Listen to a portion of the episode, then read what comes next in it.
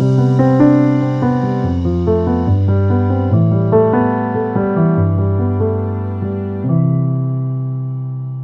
dobry, Marieta Żukowska. Zapraszam do mojego kolejnego odcinka Równowaga.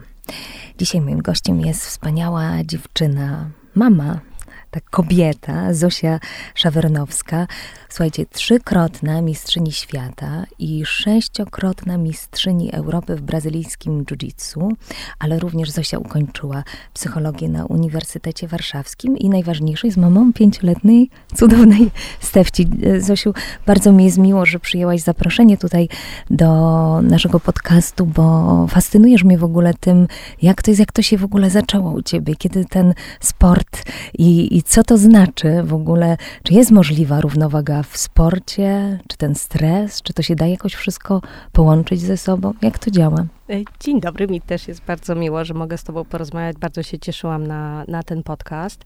E, jest ciężko, nie da się ukryć, że, że, że jest ciężko, ale to, że jest mi ciężko, wynika z tego, że dalej gonię swoje marzenia i że faktycznie łączę tą sportową pasję jeszcze e, z pracą. Też poza, poza psychologią skończyłam podyplomowe studia z psychologii sportu i zajmuję się tym zawodowo. No i ponieważ ścieżka zawodowa się bardzo łączy też z moją karierą, karierą sportową, więc tak naprawdę e, jednocześnie się rozwijam zawodowo, też trenując e, i zdobywając e, doświadczenia i analizując siebie i pracując nad sobą. Także no, mam faktycznie dużo roboty jeszcze z córą. No tak, no właśnie, bo to jest tak, że ty Zosiu też pomagasz i sportowcom, ale też y, ludziom biznesu, też y, normalnym ludziom. Jak to jest poradzić sobie z tym stresem, prawda? W sytuacji, kiedy ten stres nas jakoś tak um, bombarduje, no bo pewnie jak jedziesz na takie zawody, tak ja sobie to wyobrażam, no to jest ten jeden, przygotowujesz się ile do zawodów, tak normalnie?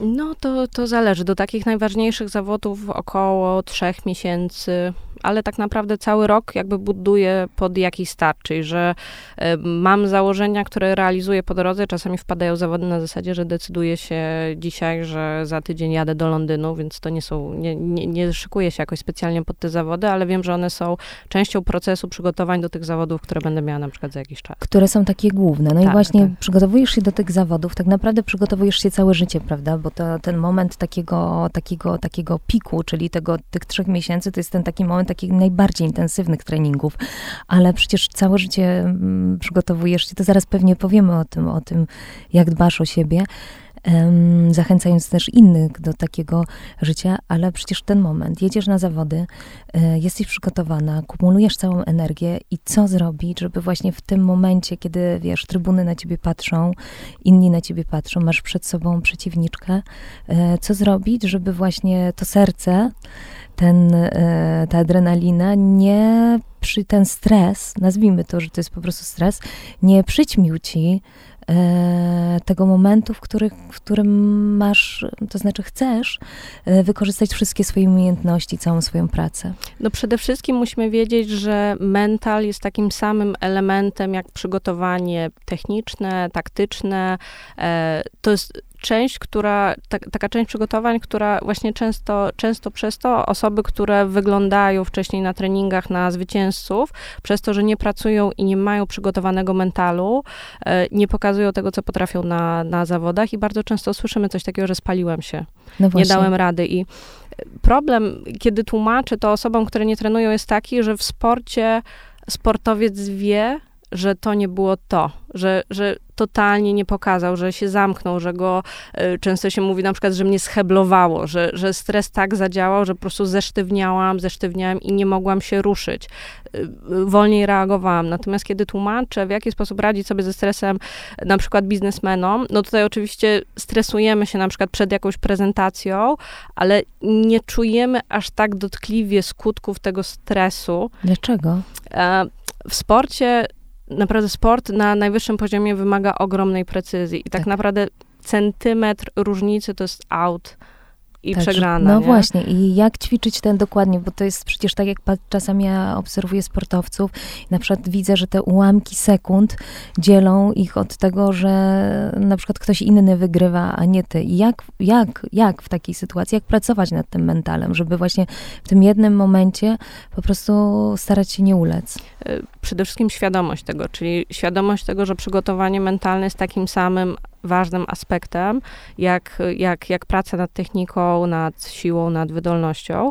I szczerze mówiąc, ja nie musiałam wiele myśleć nad tym, żeby na przykład szykując się na warsztaty czy na jakieś wystąpienie biznesowe, postępować dokładnie tak samo, jak się przygotowuję do zawodów, czyli że ja sobie po prostu te metody, które mam, żeby podnieść swój performance, y, przekładam na, na, na życie zawodowe. I, I to jest chyba takie trudne, że sportowcy mają świadomość tego, jak higiena tak naprawdę prowadzenia się wpływa na, wpływa na to, jak się czujemy, bo no to już tak mówiąc, mówiąc bardzo dosłownie, że jeżeli nie wiem, ktoś popije w weekend, to w poniedziałek przychodzi i po prostu cierpi na treningu do środy. Rozumiem. Natomiast wiem, że osoby, które, które na przykład pracują, no to czują się, czują się źle, ale to nie jest aż tak dotkliwe, niż na przykład w moim przypadku, jak się czuję źle, to po prostu ktoś będzie mi skakać po głowie, yy, zmiażdży mnie, podda mnie sto razy i jakby to jest naprawdę dotkliwe dla mnie, prawda? Rozumiem. Ja to dokładnie czuję i to przede wszystkim wpływa też na moją motywację, więc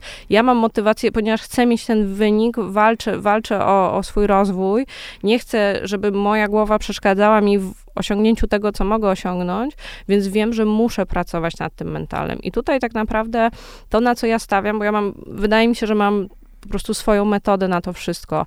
Tak też tak naprawdę ukształtowaną moimi doświadczeniami i tym, jak na mnie wpływają różne rzeczy. Przede wszystkim musimy rozumieć, że każdy z nas jest inny i każdy potrzebuje innych narzędzi. Tak naprawdę to, czego powinniśmy szukać, to poznania siebie.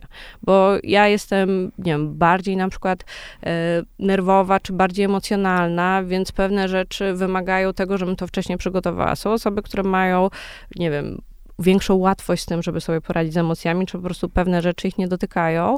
I te osoby tego nie potrzebują, więc nie możemy wzorować się na innych, czy, czy patrzeć na innych, czy uważać, że nie wiem, jak jest jakaś moda na coś, na medytację na przykład, to tak. że, że, że to robimy. Bo są takie osoby, które na przykład mają zbyt niskie pobudzenie, prawda? Są po, po, po nie wiem, czy po wystąpieniu, czy w ogóle się na przykład nie mogą zmobilizować do pracy, e, nie wiem, mają problem z tym, żeby się pobudzić i tak naprawdę na przykład, nie wiem, nie wchodzą w mecz tenisowy, tylko po meczu dopiero, kiedy zaczynają przegrywać, orientują się, że grają i dopiero widać po nich, że, że, że zaczynają prowadzić grę i walczyć, żeby, żeby na przykład y, odrobić wynik. I dla takich osób niekoniecznie medytacja musi być dobrym narzędziem, bo im brakuje tego pobudzenia, je trzeba tak trochę zestresować, także... Czyli to jest taki, y, tak jak dobrze rozumiem, pozytywny, y, pozytywny wpływ stresu, taki krótkotrwały, tak? Mm. O znaczy, tym, o czym mówisz. To, to, to jeżeli, jeżeli mówimy o samym stresie, to taka rzecz, od której ja zaczynam praktycznie każde szkolenie mentalne, to jest uświadomienie sobie mechanizmów stresu i trochę odczarowanie go, czyli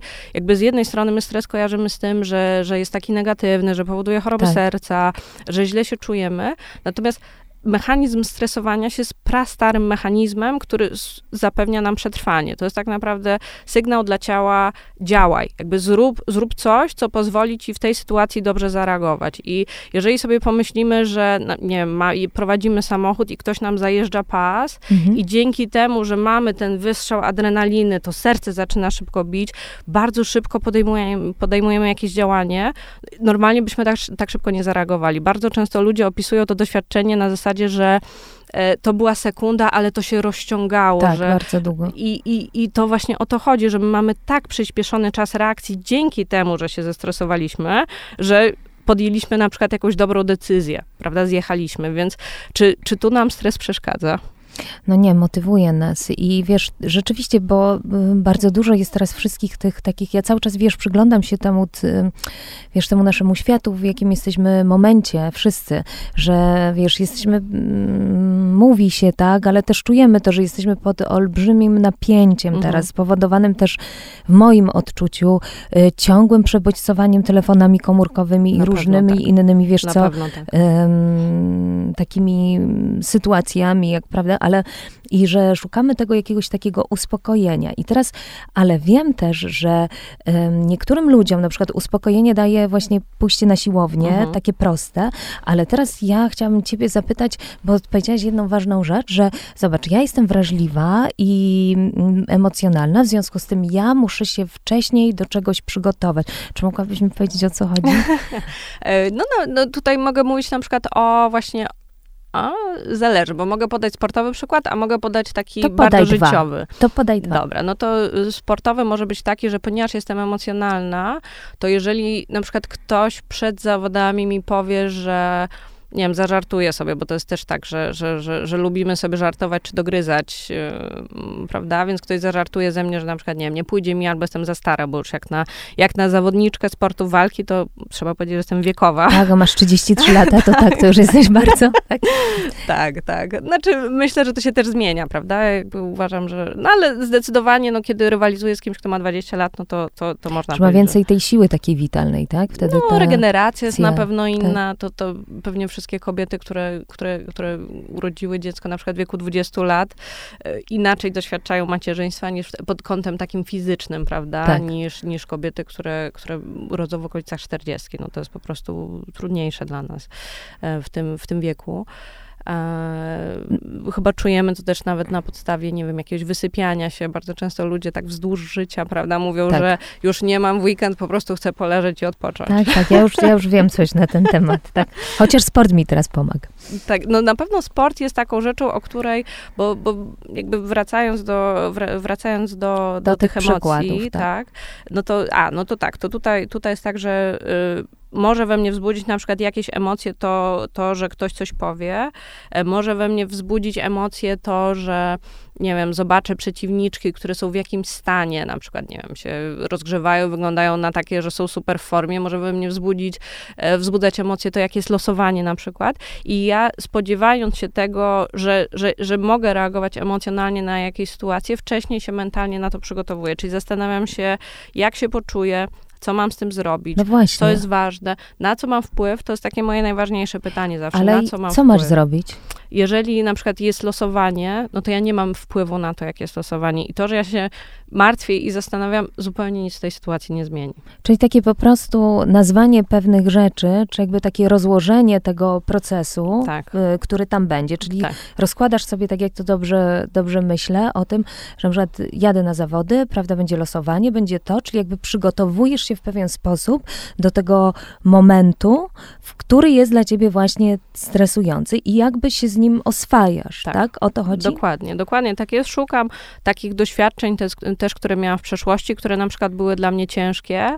No e, Szykuję sobie założenia i to jest bardzo ważne, żeby nie nakładać na siebie presji wynikowej, czyli, bo wynik tak naprawdę w pewnym stopniu jest zależny ode mnie bo jest zależny od mojego performance'u, ale też jest zależny od przeciwniczki, nieraz od sędziego, od tego losowania nawet, więc skupianie się na wyniku jest bardzo kosztowne dla zawodników, bardzo kosztowne, bo jeżeli skupiam się na tym, że chcę wygrać, no to automatycznie się pojawia wątpliwość, co będzie jak przegram.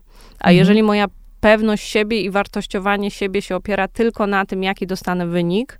Tutaj też możemy przełożyć to na jaki, nie wiem, czy mam jakieś mieszkanie, czy ileś zarabiam i tak dalej. Czyli, że jeżeli tak mocno się skupiamy i wartościujemy tymi zewnętrznymi rzeczami, to uświadomienie sobie, co się stanie na przykład, jeżeli nie wygram tych zawodów? Jak nie, dos- nie będę miała tego samochodu, czy nie będę tak. miała tego domu? Tak, to jest element mojego sposobu na radzenie sobie z presją, czyli bardzo się oswajam z tym, co się może zdarzyć, jeżeli tego nie dostanę. I zazwyczaj okazuje się, że zostaję tą samą Zosią, że moje tak. życie się nie zmienia, że moja córka dalej jest, mnie kocha. Tak, że jest szczęśliwa i że możesz tak, wrócić. Tak.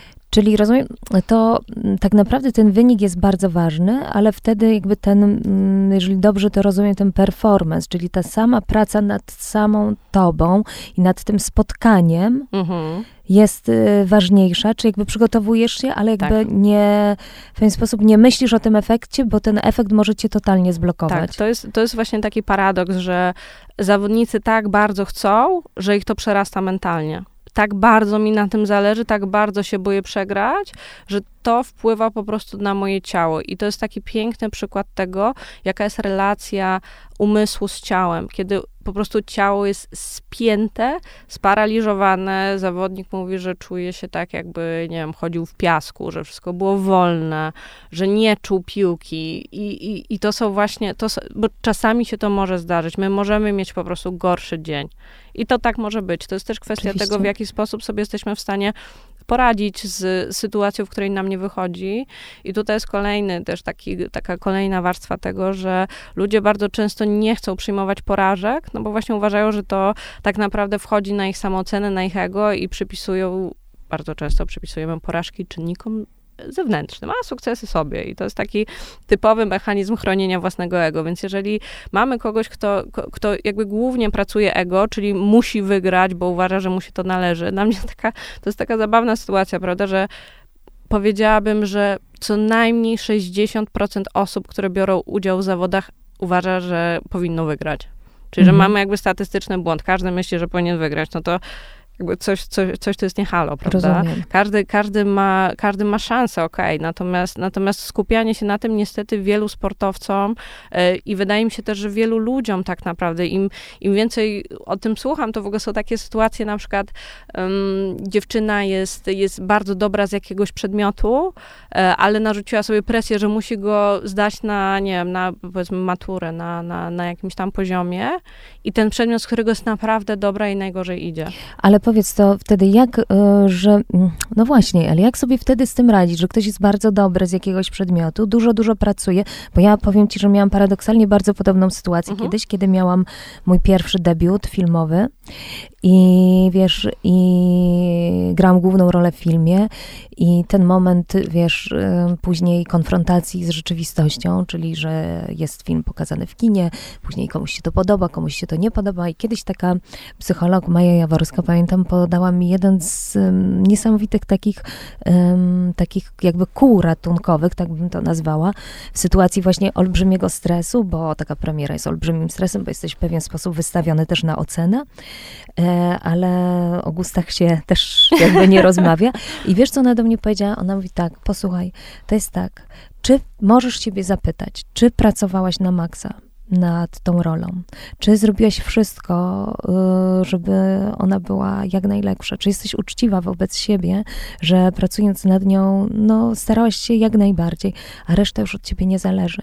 Więc to, co ty zrobiłaś i jakby jest y, najważniejsze, a reszta, no jakby już nie masz mhm. dokładnie, tak jak mówisz, nie masz na to wpływu. I wiesz, ja poczułam wtedy taką niesamowitą ulgę i do każdej, podejścia do każdej roli później miałam takie, że pracowałam najbardziej jak mogłam, żeby być właśnie uczciwym wobec siebie, wobec moich pracodawców, wobec partnerów, wobec całego planu, żeby jak najwięcej dać z siebie na tyle możliwości, które miałam, ale jakby już reszta ode mnie nie zależy. I mm, w jakiś sposób mnie to bardzo uwalnia. Mhm. Na szczęście dalej pracuję, jestem aktorką, ale wiesz, no, muszę się mierzyć cały czas, mhm. to znaczy już się e, przestałam jakby zastanawiać nad opiniami innych ludzi, bo zawsze tak będzie, że komuś się coś spodoba, a komuś, dla kogoś to będzie zupełnie inny. No, w sporcie pewnie to jest bardziej może wymierne, ale, ale może niekoniecznie. No. Znaczy, biorąc pod uwagę kibiców, ja tak naprawdę uważam, że to jest jedna z, z największych misji tak naprawdę, jakie mam i wykorzystywanie właśnie takich podcastów jak teraz, żeby ludzi trochę uwrażliwić na to, że e, wszyscy kochają piłkę i wszyscy są ekspertami w dziedzinie piłki nożnej mhm. i mówią o tym, jak to na przykład, nie wiem, reprezentacja jakoś gra i tak dalej. Natomiast tak. ludzie po prostu nie rozumieją, z czym się wiąże to, co sportowcy robią psychicznie. Często miałam do czynienia z takimi rzeczami, że tam, nie wiem, na przykład rodzice brali udział w jakimś turnieju, rodzice tenisistów biorą udział w turnieju, który był dla nich specjalnie zrobiony i dopiero są w stanie doświadczyć tego stresu, tak. chociaż tak naprawdę to nie jest ich kariera sportowa, prawda, tylko po prostu wychodzą, wychodzą na jakiś turniej i nagle się okazuje, że po prostu mentalnie nie są w stanie tego wytrzymać, więc bardzo, bardzo proszę wszystkie osoby, które oglądają ten sport, żeby dawać więcej po prostu wsparcia i, i naprawdę każdemu może pójść nie tak. My nie rozumiemy też kulisów tego wszystkiego, nie rozumiemy, jak wyglądają przygotowania, e, nie rozumiemy, z jakim przeciwnikiem ktoś gra, nie rozumiemy, jaka jest rola trenera, natomiast bardzo lubimy piętnować. E, jeżeli komuś nie wychodzi, to od razu też, nie wiem, mieć, mieć jakieś oskarżenia. E, sport jest bardzo trudny też pod kątem właśnie radzenia sobie z tymi reakcjami, komentarzami.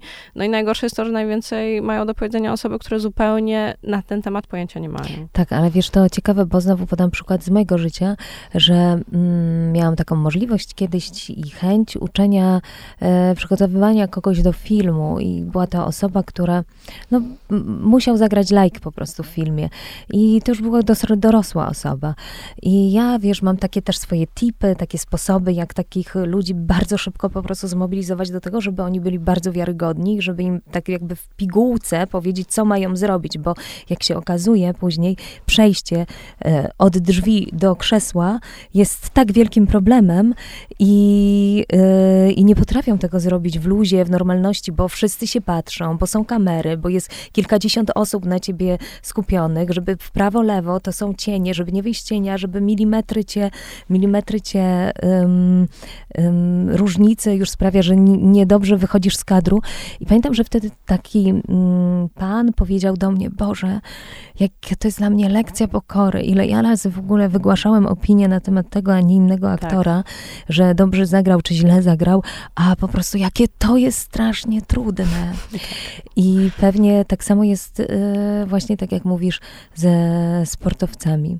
A teraz moje takie pytanie, Zosiu, dalej jakby podążając do tego, bo mm, ten stres y, bardzo mnie ciekawi, jak możemy w ogóle w takim normalnym życiu, to już powiedziałaś, że jakby nie skupiać się na efekcie, ale co jeszcze? Mm, no tutaj, tutaj mogę podać ten drugi przykład emocjonalny, na przykład, o którym y, i nawiązać do tego, czyli, że jeżeli wiem, że jestem jakąś osobą, czyli przede wszystkim wzbudzam świadomość siebie, nie, nie staram się na przykład powiedzieć, że y, nakrzyczałam na córkę, bo byłam zmęczona po pracy.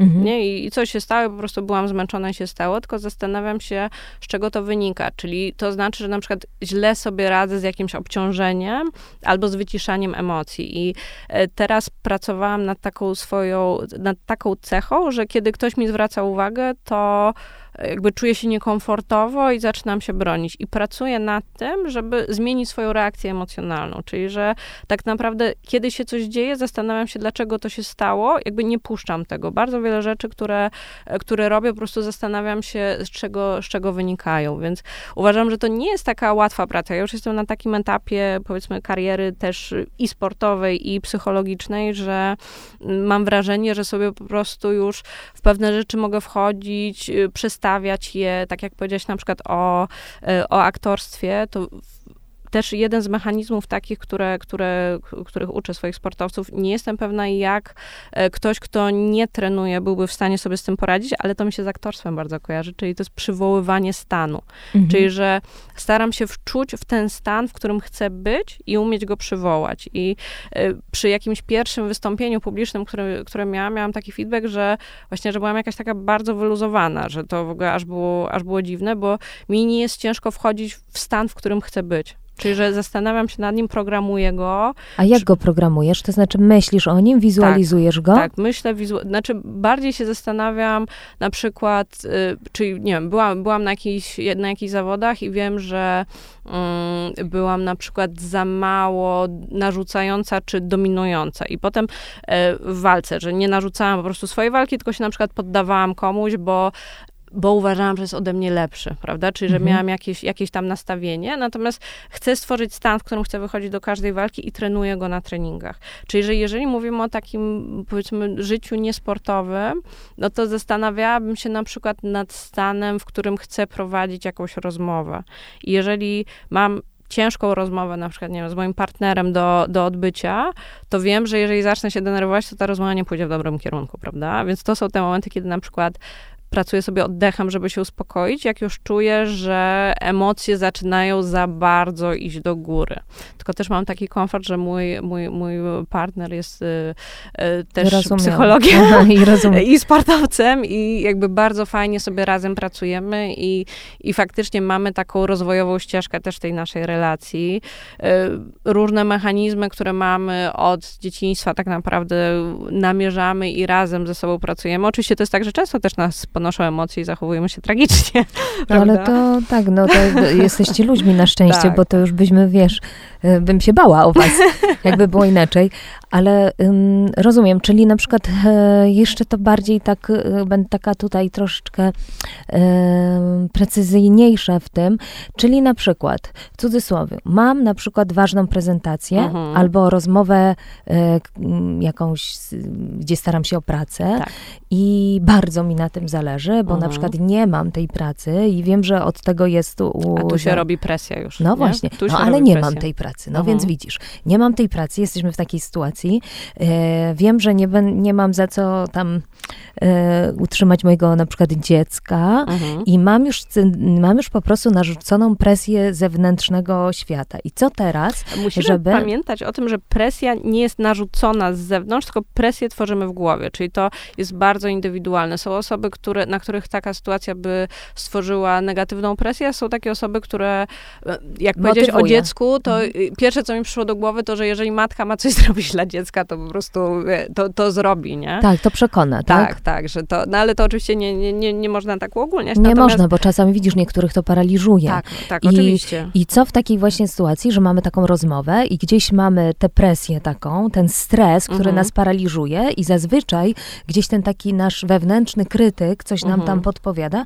jak się do tego przygotować? No to to jest bardzo ważne, bardzo fajne pojęcie wewnętrzny krytyk, czyli że jeżeli wiem, że mam wewnętrznego krytyka, no to pytanie, jak na mnie wpływa autokrytyka przed czymś takim dobrze czy źle? Raczej źle. Raczej będę się czuła lepiej, jeżeli będę wiedziała, że potrafię. To, co mówiłaś, mhm. jestem przygotowana, potrafię, zrobiłam wszystko, prawda?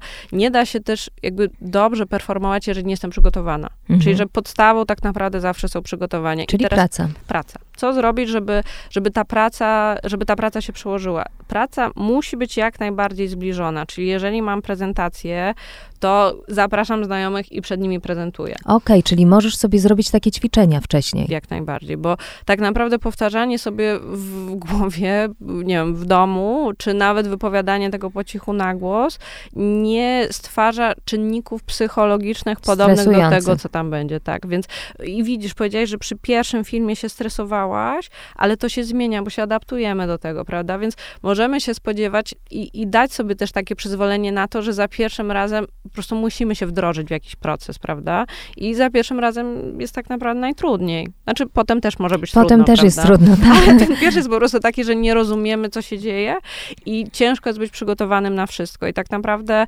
życie po prostu daje nam wskazówki, na co nie byliśmy przygotowani, czego nie wzięliśmy pod uwagę, a czasami po prostu może się wydarzyć coś, co, co jest niezależne od nas. I to, czy my się będziemy stresować, że dostaniemy tą pracę, czy, czy nie, tak naprawdę jakby niewiele zmieni. Musimy się skupić na tym, co może wpłynąć na to, żebyśmy się, my ją dostali.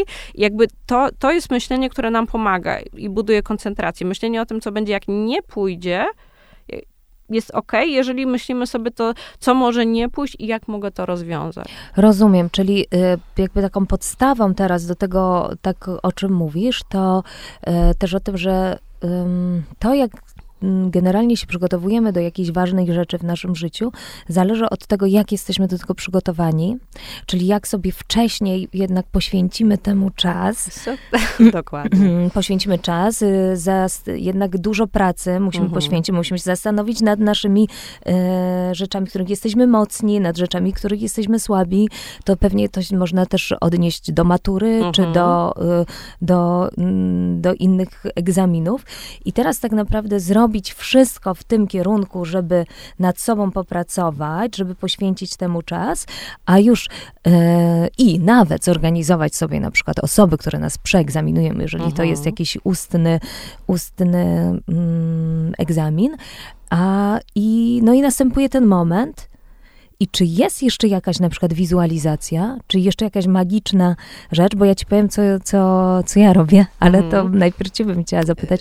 Przed tym właśnie momentem, prawda? Mhm. Bo już jesteśmy przygotowani logicznie, wszystko mamy, wszystko i następuje ta rzecz. Ja, wiesz co, ja właśnie widzę, że przed tobą leży takie narzędzie, które tak naprawdę najbardziej lubię ze wszystkiego, czyli zeszyt. Tak. prawda? I jeżeli mamy rzeczy, które sobie zapiszemy, które, o których należy pamiętać i to jest tak naprawdę taka moja podstawa, czyli właśnie cele nie wynikowe, tylko cele procesowe, czyli zrobienie czego może sprawić, że pójdzie mi jak najlepiej. I tak naprawdę mam zeszyt, mam założenia, czytam je i to jest coś, co robię przed samym startem. E, odnosząc to do, do, do sportu, no to ja po prostu staram się stworzyć warunki na treningu, które odpowiadają warunkom na zawodach. Oczywiście to nie jest do końca możliwe, ale przychodzę w tym samym stroju. E, ustawiam sobie ludzi w drabince tak, jak chcę, na co chcę się przygotować. Czyli na przykład, jeżeli wiem, że mogę w pierwszej walce wylosować najmocniejszą dziewczynę, to specjalnie sobie ustawiam najlepszą osobę na sekcji na pierwszą walkę, żeby w głowie jakby mieć to przerobione. Żeby wiedzieć, że nie muszę się odpowiednio rozgrzać wcześniej i to wszystko, co chcę zrobić na zawodach, cały schemat, jakby rutynę przedstartową, bo to sobie no też właśnie. można robić, nie? To to jest coś takiego, czyli że je, nasz mózg działa tak, że jeżeli mamy rzeczy, które kontrolujemy i które robimy, wchodzi w jakiś tor. Prawda? Mhm. Czyli jeżeli sobie założę, że ok, to jest moment, w którym zaczynam się rozgrzewać, idę, nie wiem, na gumach ćwiczę, e, roluję się, e, robię przyspieszenia i tak dalej, i tak dalej. I kiedy to wykonuję, to jakby jest takie wrażenie, że robię to, co sobie założyłam i jest ok. Jeżeli się zaczynam stresować, myślę sobie, co dalej było w moim planie jakby te myśli nie latają tam, gdzie czyli nie skupiasz powinny. się na zadaniu, czyli tak. jakby to tak, wiesz, ja bardzo lubię mój zeszyt, bo wtedy te wszystkie myśli, które mam w głowie, spisuję na kartkę i jestem uwolniona mhm. gdzieś. I one, i to jest takie moje kolejne koło ratunkowe, które ja gdzieś to wszystko wiem, o co chcecie zapytać, jak przygotowuję się do tego podcastu, ale wiesz, zawsze mam ten taki mój, takie moje koło ratunkowe, które nawet dla mojej takiej mm, świadomości, takiego bezpieczeństwa jest tutaj tutaj blisko. Dobrze, i teraz powiedziałaś o rutynie, mhm. powiedziałaś o higienie, powiedziałaś, jak to jest właśnie, czy sport w ogóle w takim naszym y, codziennym życiu, już teraz odchodząc od zawodów, takim codziennym życiu y, może pomóc. Czy od zawsze byłaś sportowcem? Bo znaczy, to trochę nie jest tak chyba, nie, że od nie, dziecka, od nie, siódmego roku życia czwartego. Nie, zawsze lubiłam sport, na pewno miałam predyspozycję, natomiast y, w mojej rodzinie bardziej y, taki konstrukt, powiedzmy, funkcjonował e, kobieta-lekarz, kobieta prawnik. Tak. Nie, nie kobieta prawnik. sportowiec nie. Tak. Więc tak naprawdę wróciłem, zawsze coś trenowałam, jakieś tenisa, konie, bardzo kochałam konie i, i tak naprawdę jeździłam bardzo dużo. Potrafiłam pięć razy w tygodniu pojechać na konie. Jak, jak, jak po prostu cię do... ciągnęło do tak, tego. Tak, lubiłam, też lubiłam bardzo tą relację i, i bardzo się cieszę, że tego, tego sportu było, było tyle i że, że mieliśmy takie możliwości. Natomiast potem to się, właśnie tutaj jest też taka fajna rola sportu, że jako, jako już już gimnazjalistka, e, byłam skoncentrowana na zupełnie innych rzeczach i tak naprawdę zupełnie zupełnie odpłynęłam od sportu. Nie miałam żadnej dyscypliny, coraz ciężej mi się było uczyć. Gdzieś tam już, już, już w liceum to powiedzmy, że robiłam to, czym się interesowałam, a, a tak naprawdę nie, nie byłam ani zmobilizowana, ani, ani gdzieś tam sumienna. E, także, także odeszłam od tego sportu i faktycznie czułam, że, że to był taki trudny czas, który był bardziej skupiony na rzeczach takie, które nawet uważam, że mogą być, mogą być niebezpieczne gdzieś, czy te spotkania towarzyskie, imprezy i tak dalej, wiem i widzę, że y, dzieci, które są w sporcie, mają dużo mniej takich pokut, więc tutaj naprawdę polecam to, żeby, żeby myśleć o tym, żeby moje dziecko trenowało. Jeżeli słuchają tutaj jakieś mamy, no to sport Na naprawdę buduje tą dyscyplinę i, i zaraz, zaraz się też do tego odniosę, jeżeli chodzi o higienę życia, że właśnie sport tak naprawdę jest potrzebny do tego, żeby w ogóle zacząć nad sobą pracować.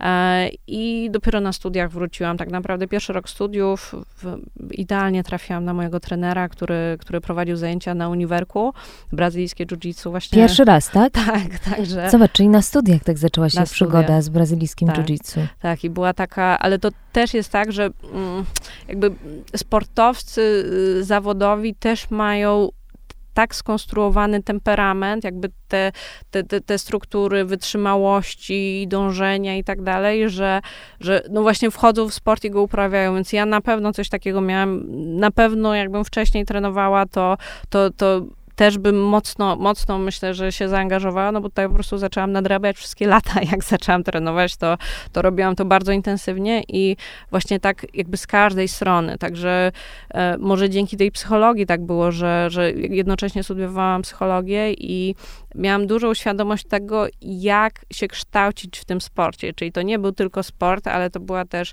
e, siłownia, też dieta, też właśnie gdzieś tam ten, ten mental. E, na początku się bardzo stresowałam, bo szło mi dobrze, zaskakująco dobrze od samego początku i dużo wygrywałam. I potem się pojawiła mhm. straszna taka, właśnie ten lęk przed porażką, bo jakby to była dla mnie taka duża wartość, że nagle mi ludzie mówili, wow, Zośka, wow, o tak. Jezu, wygrywasz. I przez to, że moja samoocena była osadzona na tych zwycięstwach, to stres, którego doświadczałam przed startem, był nie do zniesienia. Nie spałam dwa dni, Rozumiem. żołądkowe problemy, jakby i tak sobie jeszcze radziłam, ale to było obciążone bardzo dużym kosztem. I tak naprawdę psychologia sportu y, była dla mnie. Ja tego nie robiłam po to, żeby uczyć innych, tylko chciałam sobie pomóc. No i jak się okazało, narzędzia, które, które tam były, czyli po prostu świadomość, jakieś, nie wiem, sposoby e, na radzenie sobie w jakichś sytuacjach, właśnie to ułożenie koncentracji na odpowiednich rzeczach, zarządzanie tym stresem, nauka, czym ten stres jest, że tak naprawdę jest poziomem pobudzenia, które możemy regulować, zmniejszać, zwiększać. Czy nie jest taki strasznie zły, nie jest takim demonem, nie, prawda? To była Bo teraz, pierwsza rzecz, no... którą, kiedy, się, kiedy to zrozumiałam, kiedy się nauczyłam inaczej postrzegać stres, zniknęły problemy żołądkowe i to mam ze swoim, z moim każdym podopiecznym. Każda osoba, która do mnie przychodzi i mówi, że ma ogromne bóle brzucha stresowe przed, po temacie o stresie mówi, kurde, to jest niemożliwe. Niesamowite. No. Niesamowite. Po prostu nasze ciało, kiedy zaczynamy się stresować i stresujemy się tym, że się stresujemy, reaguje inaczej. Kiedy mamy przekonanie, że stres, stres jest zły, faktycznie ta odpowiedź naszego ciała jest inna. W inny sposób pracują światła naczyń krwionośnych, bardziej się zaciskają, co wpływa na to, że faktycznie czujemy się gorzej, jesteśmy mniej dotlenieni. Zmiana nastawienia do stresu sprawia, że nasze ciało inaczej na niego reaguje. Dlatego zawsze, zawsze tak jakby kończę te zajęcia takim, dobra, to stres nam się źle kojarzy, więc powiedz, jak inaczej może go nazywać. Stan nadzwyczajny pobudzenie, mobilizacja. Ja sobie teraz raczej myślę właśnie, że jestem zmobilizowana i wiem, jakie są objawy stresu, wiem, że szybciej bije serce. Jak czuję, że mi szybciej bije mhm. serce, no to sobie myślę, okej, okay, to już jest ten moment, nie? Moje ciało chce się bić. Moje mhm. ciało chce się bić, ono wie, co zrobić. Ja nie muszę myśleć o tym, żeby wyłączyć pracę jeli czy układu rozrodczego w tym momencie. Moje ciało daje po prostu sygnał, krew idzie do mięśni, oddech przyspiesza, żeby więcej tego tlenu do mięśni, do mięśni doszło. Fajne jest w sporcie to, że faktycznie jakby ten ta, ta, mobilizacja jest związana też z ruchem, więc mi jest bardzo łatwo sportowcom przełożyć, że słuchaj, ten stres faktycznie na ciebie dobrze działa, tylko problem jest taki, kiedy, nie wiem, ktoś ma siedzieć, prawda, i, i wygłaszać prezentację, to ja mu powiedzieć, że tak. stres też dobrze na ciebie działa, ale to, co mnie bardzo uwalnia, to jest właśnie też zostanie w ruchu, czyli jeżeli mam prowadzić jakiś, nie wiem, wykład, szkolenie, takie rzeczy Tak, bo ty prowadzisz przecież szkolenia dla wielu kobiet i, i dla wielu osób. No właśnie tak, to było też taka zaskakująca dla mnie rzecz, bo tak naprawdę z tego, że sobie siedzę jeden na jeden, jeden, to nagle ktoś chciał nagle ktoś chciał słuchać, prawda, tych, e, o tych rzeczach i bez żadnego przygotowania, po prostu nagle gdzieś tam jednego dnia y, siadłam przed y, kobietami, biznesmenami y, i tak dalej, całą taką, ca, całą tak naprawdę publicznością, która no gdzieś tam, nie wiem, no mogłam bać się tego, jak mnie ocenią, ale przez to, że rozumiałam, że stres mi pomoże, i to w ogóle był wykład na temat stresu, więc to była totalnie moja działka. I, I kiedy mówiłam o tym, że słuchajcie, ja się mogę stresować wami, mogę myśleć o tym, co wy o mnie myślicie, ale ja wiem, że stres mi pomaga. I ja wiem, że stres mi tutaj doda jeszcze tego, że to będzie fajny wykład, nie? I jakby opisując tą sytuację, w której byłam, to jest taka rzecz, którą, którą, którą, z której bardzo korzystam, że opisuję swoje doświadczenie. Jeżeli ludzie są w stanie wejść w moje doświadczenie, jakoś się z tym utożsamić, to wtedy zaczynają jakby rozumieć proces, więc, więc zawsze, zawsze ta praca jakby nie jest taka wykładowa, tylko proszę kogoś, żeby podał jakieś przykłady prawda, twojej jakiejś sytuacji, kiedy się, kiedy się na przykład stresowałaś, nie? I sobie na, na podstawie twojego doświadczenia jesteśmy w stanie wtedy, wtedy coś zrobić. No ogólnie nie lubię takiej pracy wykładowej i właśnie na tych warsztatach, te, na tych pierwszych, które prowadziłam, jakby to wszystko tak fajnie ze sobą zagrało, bo ludzie widzieli, jakby widzieli jakieś moje objawy. Mówiłam im, że, że nie wiem, że mam sucho w gardle, nie? Widzicie, że, że, że, że, że po prostu z nimi podzieliłaś z nimi w cudzysłowie normalnymi rzeczami, które każdy z nich pewnie mhm. doświadczał i nie wstydziłaś się im o tym tak, powiedzieć tak, tak. i jakby nawiązałaś z nimi taką naprawdę, tak jak każdy z nas, tak ma wszystkie te problemy wszyscy mamy, którzy nas słuchają i wszyscy tu siedzą, nie ma, nie ma osób, które by się z tym nie borykały, więc jakby przyzwolenie też na to, że to jest normalne uh-huh. i że, no właśnie, to jest niesamowite, co mówisz, że stres może być twoim y, sprzymierzeńcem. Uh-huh. Tylko trzeba, trzeba jakby zastanowić się, w jaki sposób czuje ten stres w swoim ciele, gdzie on jest i zrozumieć, co to znaczy. Zawsze polecam, to jest chyba jedno z takich moich ulubionych wystąpień na TEDzie, e, platforma TED, jak zaprzyjaźnić się ze stresem, nazywa się filmik i właśnie tam są podane badania, które, które mówią o tym, o czym, o czym tutaj opowiedziałam i, i w bardzo fajny sposób, tak naprawdę takimi prostymi rzeczami, czyli właśnie wyobraź sobie, że twoje ciało się mobilizuje i dodaje ci energii, że, że, że ten tlen, że szybciej oddychasz i kiedy tak troszeczkę bardziej biologicznie sobie na to spojrzymy, no to faktycznie te mechanizmy sprzyjają działaniu. I być może tylko to, że ich nie lubimy, wpływa na to, że, że, że źle się w nich czujemy. Są naprawdę bardzo proste metody radzenia sobie z takim zbyt dużym stresem, prawda? Czyli kiedy stwierdzam, że moje pobudzenie jest zbyt wysokie. Tak, że już nam bardzo przeszkadza, zaczynają się lęki. Oddech. I oddech, bo w momencie, w którym skupiamy się na oddechu, to też nie skupiamy się na tych myślach, które stres wywołują. Mhm. Czyli, że jesteśmy w stanie jakby rozpuszczać myśli i im częściej to praktykujemy, tym bardziej możemy decydować, o czym myślimy. Bo niestety, okej, okay, no mamy algebrę w szkole, ale nikt nas nie uczy tego, że myśli są wytworem naszego umysłu, na który tak naprawdę nie mamy wpływu i bardzo się utożsamiamy z tym, co myślimy. Natomiast to, co myślimy, nie jest prawdą absolutną na temat świata w żaden sposób. Potrafimy się na czymś bez sensu zakręcić i tak. zmarnować godziny na myślenie o czymś, co jest w ogóle zupełnie bez sensu i nie wiem, ktoś nawet tak nie pomyślał, jak my myślimy, a się martwimy na przykład nad, nad jakimiś konsekwencjami. Więc to jest pytanie do nas, czy chcemy marnować tę energię. Jeżeli nie chcę marnować energii na myślenie o czymś, no to właśnie wtedy często pracuję oddechem. I taki bardzo prosty schemat, że po prostu wydłużam wydech, czyli to jest ten moment, kiedy się uspokajamy. Często jak już się dzieje się coś wielkiego i taki schemat oddechowy, który mamy, to jest takie Mhm. To już znaczy, że schodzi z nas to ciśnienie. I w momencie, w którym po prostu wydłużamy wydech, zmieniamy, wpływając na, wpływamy na pracę serca, które tak naprawdę jest, jest takim detektorem tego, czy przyspieszamy się dalej, pobudzamy, czy już luzujemy i, i jakby jest, jest po tym zagrożeniu. Więc wydłużając po prostu wydech, robiąc sobie kilka, kilka, nie wiem, pięć, dziesięć takich spokojnych oddechów z wydłużonym wydechem, jesteśmy w stanie zmniejszyć pobudzenie, przez to, że nasze serce też będzie biło po prostu wolniej. I nie wiem, to stosuję, jeżeli nie mogę zasnąć to sobie po prostu leżę, wydłużam ten wydech i czuję, jak to ciało się po prostu zaczyna rozpływać, schodzi napięcie. E, też jakby nie możemy oczekiwać, że to od razu, od razu zadziała. Bo tak naprawdę ja jestem zszokowana, kiedy właśnie ludzie przychodzą po, nie wiem, po jednych zajęciach i mówią, ok, zrobiłem to, zadziałało, nie? Natomiast to wymaga pracy no tak. i konsekwencji i skupienia się na tym. I, I tak naprawdę, jeżeli nie będziemy pracować, ja tu, tu może też bym chciała powiedzieć, że nie mamy problemu z tym, żeby, nie wiem, wydawać na, na ubrania, na, na, takie rzeczy, a ludzie jakoś nie do końca chcą inwestować w swoje zdrowie mentalne.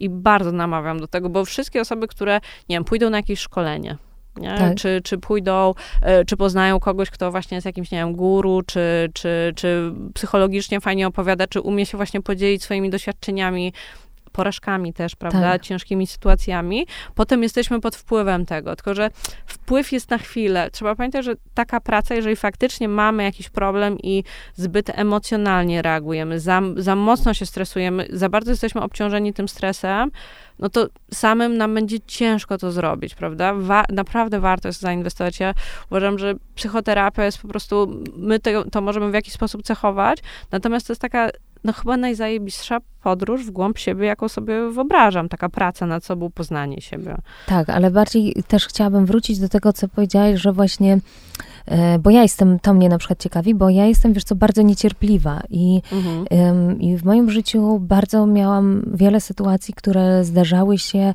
że byłam w pewien sposób uprzywilejowana od świata, że coś mi się przytrafiło, że znalazłam osoby, które mi, e, które mi na przykład, nie wiem, dały takie, a inne wskazówki, czy na już trzecim roku studiów zostałam zaangażowana do teatru, że bardzo wiele rzeczy szybko w moim życiu przychodziły i miałam je tu już i teraz. Nigdy nie miałam problemów z dietą, e, wiesz, zawsze mogłam sobie jeść, co chciałam. I w pewnym momencie mojego życia, e, to było niedawno, nastąpiło takie pewnego rodzaju załamanie i zobaczyłam, że na przykład musiałam, zaczęłam już w wieku 40 lat musieć zwracać uwagę na przykład na dietę, na dietę. Dla mnie to było coś takiego, Zosia, że ja pomyślałam sobie, Boże, ale zaraz, przecież ja mogę wszystko w życiu jeść. I dopiero nabrałam, wiesz, takiej niesamowitej pokory do tego, jak inni muszą często uważać. Ja to mówię teraz jakby mm, takim cudzysłowie, biorę dietę do tego, ale chciałabym właśnie nawiązać do tych konsekwencji, że naraz musiałam się nauczyć, że ten, a nie inny składnik e, po covid doprowadzi do tego, że ja się będę dobrze czuła i źle. I będę musiała pilnować tego, że rano, jeżeli nie zjem kaszy jaglanej czy czegoś, to mój żołądek właśnie będzie się źle czuł. I ja od razu chciałam mieć efekt, wiesz, że jak dzisiaj kaszę jaglaną, to już jutro po prostu czuję się świetnie. I to nawet mówię teraz o sobie, bo mówię też o tym, że ta konsekwencja, ale też ta długoterminowość, że jednak potrzeba cierpliwości, czyli nawet w tym oddechu, w tych ćwiczeniach, o których mówiłaś, czy w tej pracy nad sobą, trzeba sobie dać takie przyzwolenie na to, że to nie stanie się tu i teraz, że jednak ta praca nad sobą jest y, w pewien sposób taka. Y, najważniejsza. Mhm. No my, my generalnie chyba teraz lubimy i przyzwyczaja nas być może też właśnie ta, ta elektronika i aplikacje i tak dalej, że jest wszystko szybko. Natomiast jeżeli zadamy sobie pytanie na przykład, w jaki sposób wykształciliśmy umiejętności, na przykład w pracy, nie? Jeżeli jesteś w czymś, w czymś dobra, to ile trwało, żeby do tego dojść? Bardzo długo. Bardzo długo, nie? No więc jeżeli chcę być dobra w czymś innym, no to dlaczego to ma trwać Krótko. Krótko. Tak, ja na przykład mam tak teraz z jogą, wiesz, bo zauważyłam, że um, nastąpiła, wiesz, taka zmiana w moim życiu, że zaczęłam się zdrowo odżywiać, zaczęłam um, i tak um, podziękowałam teraz w pewien sposób mojej, mojemu doświadczeniu za to, że wywróciło mi całe moje życie do góry nogami. Zaczęłam się, wiesz, zdrowo odżywiać, uprawiać sport i z takim spokojem, większą uważnością patrzeć na to, co mi się przytrafia i wiesz co, i powiem ci, że tak idę na przykład na te zajęcia jogi i patrzę, że jestem najgorsza, prawda, ze wszystkich. I widzę to po prostu obiektywnie, że tam po prostu ludzie są tak rozciągnięci, a to znaczy, że mają super przepływ energetyczny, że to ich ciało im też pomaga, prawda, w mentalu, w tym, jak mogą sobie później radzić z różnymi stresującymi sytuacjami. I wiesz co, jednym z takich najważniejszych rzeczy, które sobie ostatnio do siebie powiedziałam, powiedziałam, słuchaj, to wymaga czasu, to się nie stanie od razu i też, żeby nie chcieć być, od razu mieć ten efekt tu i teraz, że to jest mhm. takie ważne. Przynajmniej ja tak sobie teraz nad samą sobą pracuję i myślę, że by się nie zniechęcić, prawda? Że mhm. jeżeli na przykład chcemy, nie wiem, schudnąć, cudzysłowie ileś, to wiem, że taka osoba, żeby pójść na siłownię, która jest obciążona jakby wagą, tym, że nigdy nie jadła według odpowiedniej diety, to zobacz, o ile ona ma trudniej, mhm. o ile ona ma ciężej, żeby w ogóle złapać taką motywację do tego, żeby zacząć to robić. Co byś co byś powiedziała takim osobom, które właśnie chcą na przykład zacząć nad sobą pracować, ale gdzieś zabrnęły tak daleko, że żeby, wiesz, wrócić do takiego stanu, w którym ich ciało, ich, ich umysł, to wszystko będzie, e, wiesz, dobrze funkcjonowało, wymaga dużo pracy. Okej, okay, no to tak, to nawiązując najpierw do tego, co powiedziałaś, to, bo powiedziałaś, że obiektywnie wiem, że jestem najgorsza, tak. więc ty nie jesteś w stanie niczego wiedzieć obiektywnie, no bo właśnie. zawsze wiesz subiektywnie, Dokładnie. Nie? I to, że tobie się wydaje, może z czegoś wynikać, no bo nie jesteś, nie wiem, w ciele kogoś innego, to co tak. ty widzisz, też może być tak, że w jakiś sposób, no nie, myślisz, że jesteś tam najgorsza, więc tak po prostu to postrzegasz, nie? Tak, I pewne ale... rzeczy ci do tego pasują. Dokładnie. Tylko zobacz, że jeżeli ktoś trenuje, nie wiem, 4 lata jogę, to tak naprawdę jaka jest miara twojego pro, progresu w tym, że się porównujesz do niego? Dokładnie. Żadna. Nic z tego nie wyciągamy. Najgorsze jest w tym to, że właśnie to może wpłynąć negatywnie na naszą motywację. Czyli mi się wydaje, że nie mam tych efektów, a jakby ktoś, kto trenuje i przede wszystkim ktoś, kto trenuje jogę, może mieć zupełnie inne warunki genetyczne. Dokładnie. Rozciąg, na przykład, wiesz, mój mąż to potrafi po prostu w sekundę sobie na przykład założyć y, nogę na głowę, dwie nogi na głowę i po prostu nic nie ćwicząc, a rozumiesz? to jest niesamowite, bo to zazwyczaj kobiety, kobiety, kobiety są bardziej ale wiesz, tak? no, ale wiesz o co chodzi, tak. że po prostu i ja sobie wtedy myślę, matko, ja musiała to chyba 20 lat ćwiczyć, wiesz, żeby, żeby wykonać taki numer, ale dokładnie, dlatego też o tym chciałam powiedzieć, że jakby perspektywa tego patrzenia, czy ty jesteś najgorszy, czy nie, jest naprawdę nie ma niewymierna. Tego mhm. nie da się policzyć. Nie da się zupełnie. I to jest przede wszystkim zła miara, więc tutaj, jeżeli, jeżeli się do tego mierzy, i tak samo z dziećmi, prawda, jeżeli patrzymy na nasze dzieci i porównujemy je cały czas do innych, to to uczy ich bardzo złych mechanizmów tak. porównywania się do innych, prawda? I, I, jakby to, to idzie, i widzę, że to idzie przez pokolenia i staram się oduczać moją córkę takiego myślenia, prawda, że ona chce być lepsza od innych. Zawsze staram się jej wskazać, nie wiem, te, moja córa bardzo lubi biegać po prostu na zasadzie to jak zaprowadzała tak. psa na, na, na, patio, po prostu biega kółka dookoła, tak. prawda? I sobie e, mierzymy jej czas prawda? Ile lepiej pobiegła niż ostatnio, ile, ile gorzej, bo, bo to po prostu lubi i uczę ją tego, żeby faktycznie porównywała się do siebie i to nie jest takie oczywiste, bo też nasz rozwój polega na tym, że się porównujemy do innych, że inni wyznaczają jakieś normy, więc to jest coś, co jakby trzeba wprowadzić do swojego myślenia, jeżeli widzimy, że nasze myśli za bardzo odjeżdżają właśnie. Tak, że właśnie wtedy takie rozsądne pomyślenie mhm. o tym, że nie mój wewnętrzny krytyk i że ja tu jestem taka, a nie inna, tylko, że właśnie wtedy, żeby się tak cofnąć i powiedzieć sobie, zaraz, jestem tu po to, bo chcę, bo chcę się mhm. rozwijać, bo chcę nad sobą pracować, bo chcę, żeby bardziej ukochać moje ciało, które mi później odda. I zobacz, Ale to, to jest motywacja czasu. wewnętrzna. I ty mówisz o wszystkim, co ci to daje, o uczuciach pozytywnych, o twoim rozwoju, a nie skupiasz się na wyniku. Nie? I to jest dokładnie to. Czyli to daje taką, skupianie się na wyniku daje też koszt w postaci lęku, negatywnych emocji, negatywnych porównań, a skupianie się na tym, jakby tym wewnętrznym mechanizmie, tym, co z tego mamy, co mamy dla siebie, jest takim, no właśnie z takim pozytywnym odczuciem, które w sytuacji, w której zaczyna nam brakować motywacji, mhm. może nam pomóc, czyli co mi to daje, nie? Rozumiem. A jakbyśmy teraz jeszcze wrócili właśnie do tych osób, które są na przykład walczą z otyłością, że mają chorobę taką, uh -huh. że wiesz, że brakuje im tej motywacji, no bo y, wiesz sama dobrze, mhm. jako sportowiec i psycholog,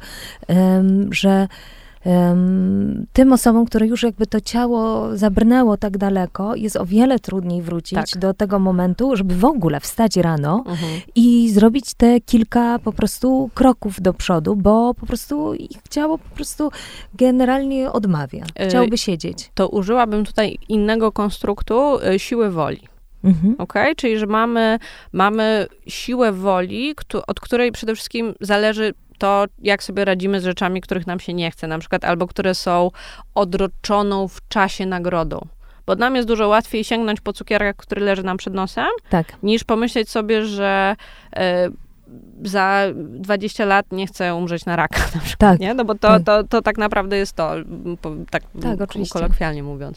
Natomiast e, jeżeli chodzi o ośrodki wspomagające siłę woli, czyli właśnie podejmowanie to bardziej wymagających decyzji, to wpływ na działanie, czyli na funkcjonowanie naszego mózgu i umiejętność, ty powiedziałeś o dialogu wewnętrznym jako o tym wewnętrznym krytyku, natomiast dla mnie też dialogiem wewnętrznym jest to, co sobie mówimy, kiedy nam się chce albo nie chce. Mhm. A jutro, a dzisiaj jestem zmęczona, a coś tam, a nie mhm. zrobię i tak dalej. I trzeba sobie uświadomić, że w tym momencie, w którym czegoś nie robię, no to przejmują kontrolę nad moim zachowaniem te bardziej impulsywne ośrodki, prawda? Gadzi mózg, który, no jakby, okej, okay, no możemy w ten sposób żyć, tylko co to jest za życie, kiedy nie potrafimy się zmusić do wysiłku, tylko chcemy mieć wszystko jak najłatwiejsze, prawda? No jaki, jakimi ludźmi wtedy jesteśmy? I to, co ma wpływ na to, żeby częściej pracowały te ośrodki, które odpowiadają za planowanie, za utrzymywanie y, zachowań, za, za motywację do działania, za te cele długoterminowe, żeby one funkcjonowały, potrzebne jest dbanie o trzy aspekty życia. No właśnie, to jest bardzo Sen. A, widzisz jeżeli jesteśmy niewyspani, utrzymanie diety jest mega trudne. A, Jak widzisz. jesteśmy zmęczeni po pracy, nie dosypiamy, utrzymanie diety jest mega trudne powiedziałaś o ekranach telefonów. Mhm. Używamy ekranów telefonów, jeżeli używamy ich po godzinie 22, nawet, no, jakbym się miała czepiać, to nawet jeszcze wcześniej zaburzamy nasz zegar biologiczny. Tak, bo one rozświetlają, to używają takiego światła, które nas totalnie pobudza. Tak, więc nie myślimy o, o higienie snu, o tym, żeby faktycznie spać tyle, ile nam jest potrzebne. Bardzo łatwo jesteśmy w stanie zaniedbać sen, żeby siedzieć na TikToku. No, w sensie tak. jakby to jest, no, tak naprawdę nasz umysł podąża za czymś, e, co specjalnie nas tam wciąga, prawda? I my niewiele myśląc tracimy ten czas na wyspanie się, po prostu mhm. na, na, na, jakieś bzdury, bo jeżeli ktoś robi, no nie wiem, nadrabia pracę, czy, czy robi jakieś takie rzeczy, no to jeszcze, jeszcze okej, okay, Ale wiesz, jaka jest taka pułapka, że wszyscy mówią wtedy, wiesz, to mnie luzuje. No nieprawda. No właśnie, no więc powiedz o tym Nieprawda, nie, no to, Bo to... bardzo często jest taka wymówka, wiesz, ja się na przykład rozbudzam, prawda, mhm. rano, albo y, to mnie luzuje. Muszę się wyluzować teraz i idę do uzależniacza, którym mhm. jest po prostu telefon komórkowy. Znaczy myślę, że coraz więcej będzie takiej dostępnej informacje o tym, jak bardzo negatywne jest używanie telefonów, social mediów i tak dalej. Ja teraz jakby nie chcę jeszcze o tym mówić, bo właśnie no, mój, mój, mój chłopak e, jest w trakcie studiów psychologicznych i, i pokazał mi e, raport,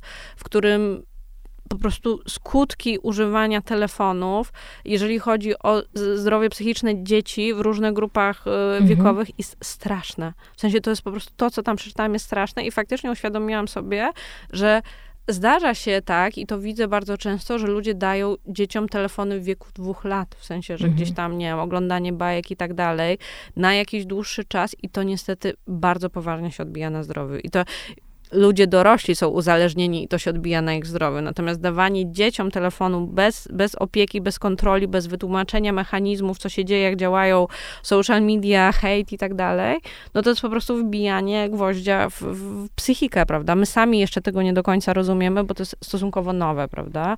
Ale uważam, że, że, że jakby będzie coraz więcej edukacji na ten temat i na pewno kiedy, kiedy dokładnie przerobię dane, to ja też gdzieś tam u siebie, u siebie będę udostępniać materiały na ten temat, bo dla mnie to jest jakby klucz, prawda? Jeżeli jeżeli spędzamy życie e, w internecie, to tak naprawdę i to jeszcze na życiu, no bo jeżeli tam robimy wartościowe rzeczy, słuchamy podcastów, okej, okay, tylko bardzo cienka jest granica między tym, że słucham wartościowego podcastu, a znowu przechodzę na Instagram i tak naprawdę większość czasu spędzam na oglądaniu osób, z którymi nic mnie nie łączy, prawda? Tak.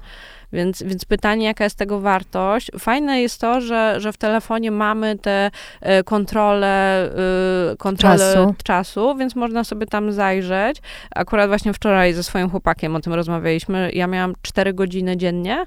Bardzo dużo. To bardzo ja mam dużo, mniej. Bardzo dużo. To ja mam Zosia mniej. Tak. Tak, bardzo I... dużo. My mamy tylko taki problem, że pracujemy też przez telefon. Ja też pracuję, wiesz, bo y, nie mam komputera. Okay. Y, jestem tym akurat człowiekiem, że nie posiadam komputera mm. i rzeczywiście wykonuję to, ale wiesz, y, cały czas staram się również mm. walczyć z tym i widzę, jak to negatywnie na mnie, wiesz, co działa. Mm-hmm. Działa, działa negatywnie. Także, no właśnie teraz mamy takie postanowienia, że... Może jak... powolutku mniej, prawda? Żeby nie od razu. Nie, nie, nie, nie. To nie może być tak, że jakby ja sobie daję jak najłatwiej łatwiejszą drogę. Tutaj jakby, żeby faktycznie uzmysłowić sobie, jak bardzo ciężki jest do ogarnięcia telefon, ile tam jest rzeczy związanych z jakimś podprogowym działaniem, brakiem myślenia i podejmowania świadomych decyzji, tylko tym, bo ludzie o tym mówią, że wszedłem na Instagram i y, godzinę później się obudziłem. Więc to, tak. to, to faktycznie dużo, dużo osób ma z tym problem, więc to muszą być jakieś takie rzeczy, które, nie wiem, no my mamy ten komfort, że we dwójkę teraz będziemy nad tym pracować. No właśnie, nie? żeby mieć taką y, bliską osobę też, żeby tak. sobie w domu dać takie y, troszeczkę, żeby się od uniezależnić. A jeszcze bym coś ja chciała wrócić do tego, powiedziałaś sen. Sen, tak, czyli sen to jest jakby, to jest jedna rzecz, y, ograniczenie tego telefonu.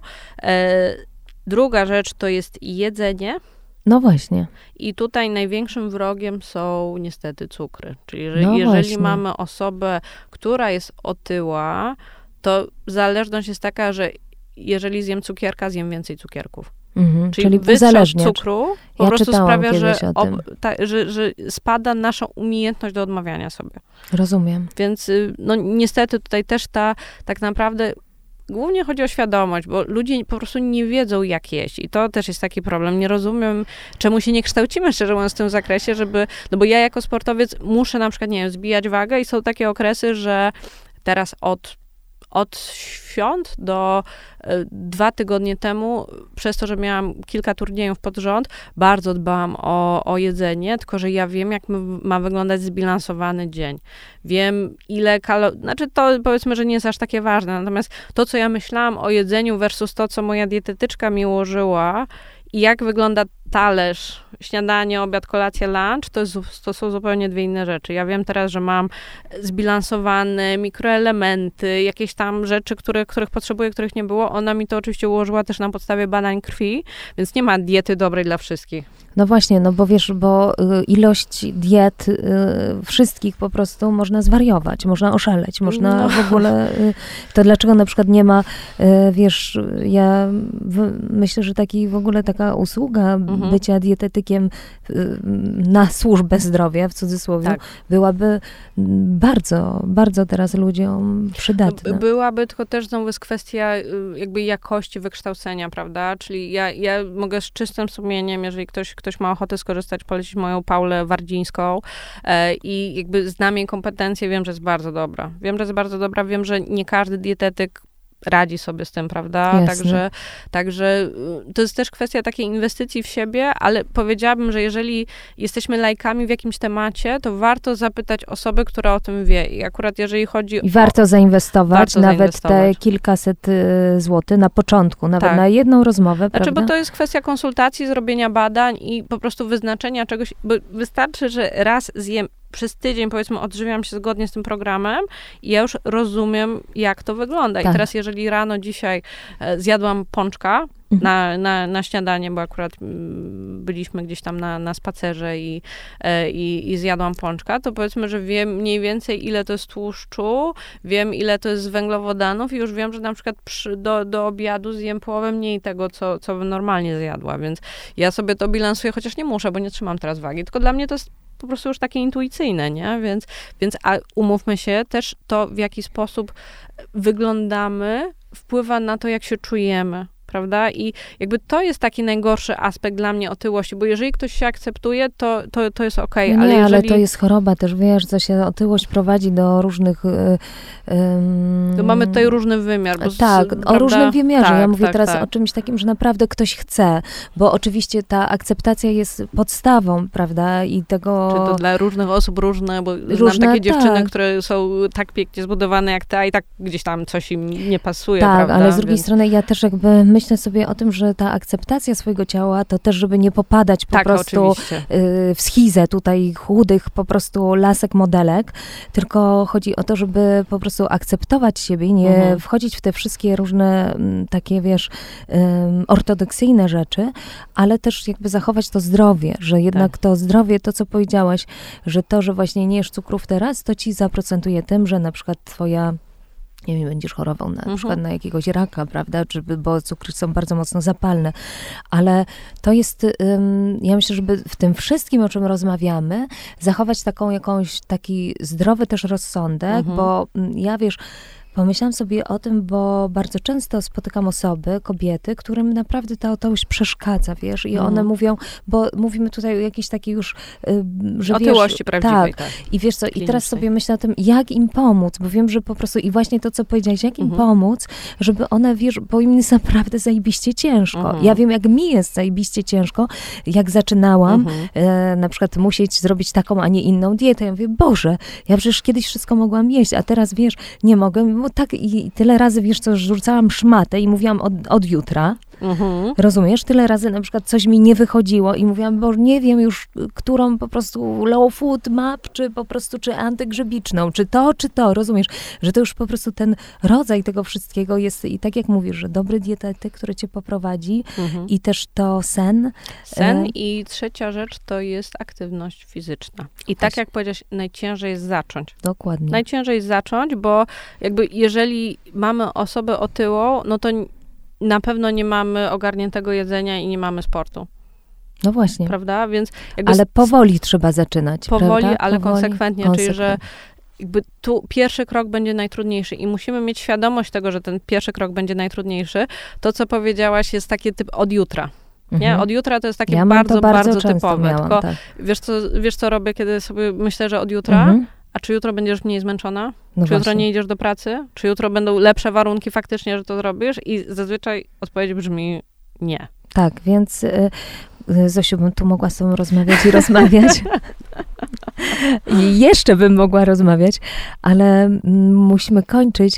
I teraz. To mogę tylko tutaj jeszcze jedną tak. rzecz dokończyć takiego tipa, że jeżeli mamy coś zrobić i jest to dla nas trudne, to zastanówmy się nad przeszkodami. No Czyli, właśnie, że powiedz. jeżeli mamy, jeżeli chcesz zacząć od jutra, to na przykład dlatego, że się czujesz zmęczona, albo że ci nie wyjdzie. I jeżeli, czyli znowu bierzemy zeszyt, zapisujemy sobie, jakie mogą być przeszkody, i w momencie, w którym te przeszkody zaczynają się pojawiać, a my to przepracowaliśmy wcześniej, jesteśmy w stanie to namierzyć i powiedzieć sobie, ok, wiedziałam, że to się może wydarzyć, ale tam i tak podjęłam decyzję, że to robię. Więc, więc tutaj jest fajne takie myślenie jakby i zaprogramowanie tego, co może wpłynąć na to, że podejmę decyzję, że na przykład nie pójdę na ten trening.